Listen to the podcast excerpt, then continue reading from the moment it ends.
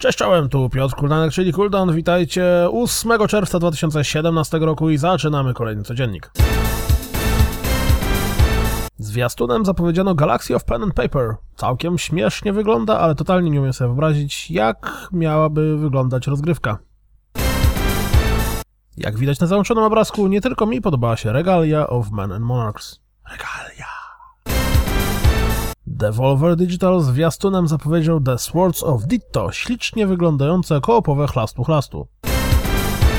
Nowa gra Rebellion to Strange Brigade. Podoba wam się ten pomysł? Za grę odpowiada ekipa od Zombie Army Trilogy. Remake Outcasta wygląda bardzo interesująco. Zobaczcie nowy zwiastun. Zwiastunem zaprezentowano Dissidia Final Fantasy NT. Co wy na to? The Escapist 2 będzie miał multi. Macie zamiar w to zagrać, jak będą napieprzali nóżkami? Tymczasem GTA Online dalej się rozwija. Fable Fortune, czyli karcianka w świecie Fable, 11 lipca pojawi się na PC i Xbox One. Air Mission Hind 14 czerwca trafi na Xbox One, a na PC wyjdzie z Early Accessu.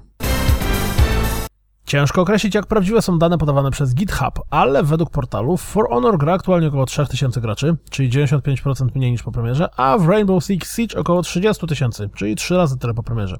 Teoretycznie dane pochodzą ze Steama, ale jednak duża część graczy może grać na Uplayu. Pojawiła się sugestia, wynikająca z zarejestrowania znaku towarowego, że dostaniemy nowego Splinter Cella. Chciałbym. Pamiętacie dane, według których dość mało osób bawi się we wsteczną kompatybilnością na Xbox One? Mike Ibarra poddał pod wątpliwość te dane. Minecraft od Telltale dostanie drugi sezon. W takim razie może ploty o drugim sezonie Tales from Borderlands i grze o Bondzie były prawdziwe. Kojima zapowiedział, że Dead Stranding nie pojawi się na E3. Dodatek do Little Nightmares zwać się będzie Secrets of the Meow. Magdo, nie tylko ty się jarasz asasynem. W ramach Agent First, albo First, to kto woli, pojawił się interesujący artykuł o przyszłości japońskiego game devu, włącznie z dosyć dokładnym spojrzeniem na Platinum Games.